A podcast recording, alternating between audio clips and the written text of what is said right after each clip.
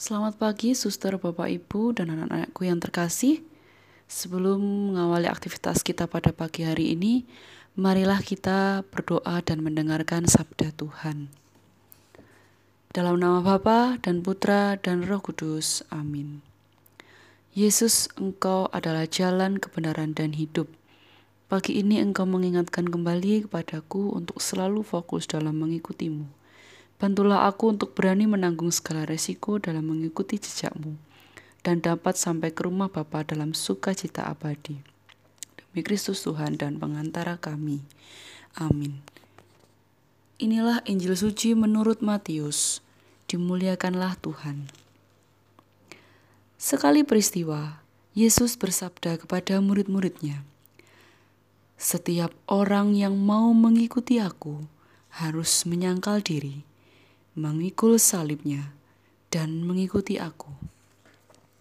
Karena barang siapa mau menyelamatkan nyawanya, akan kehilangan nyawanya. Tetapi barang siapa kehilangan nyawanya karena aku, ia akan memperolehnya.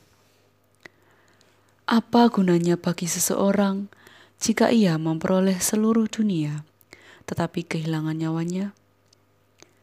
Apakah yang akan diberikannya sebagai ganti nyawanya?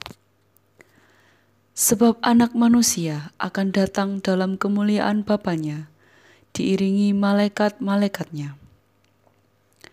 Pada waktu itu, ia akan membalas setiap orang setimpal dengan perbuatannya.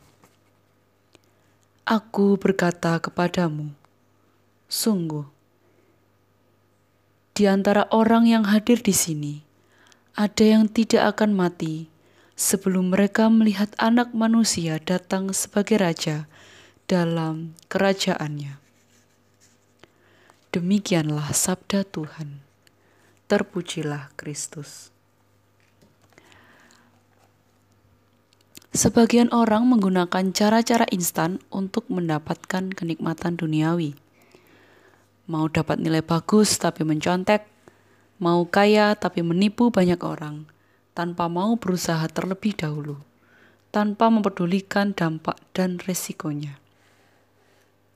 Setiap orang pasti menginginkan kebahagiaan dalam hidup oleh karena itu, marilah kita merangkul salib kita masing-masing dan memikulnya, sehingga Allah dapat memenuhi diri kita dengan cara berpikir yang benar, bertindak yang benar, dan memperoleh kebahagiaan surgawi.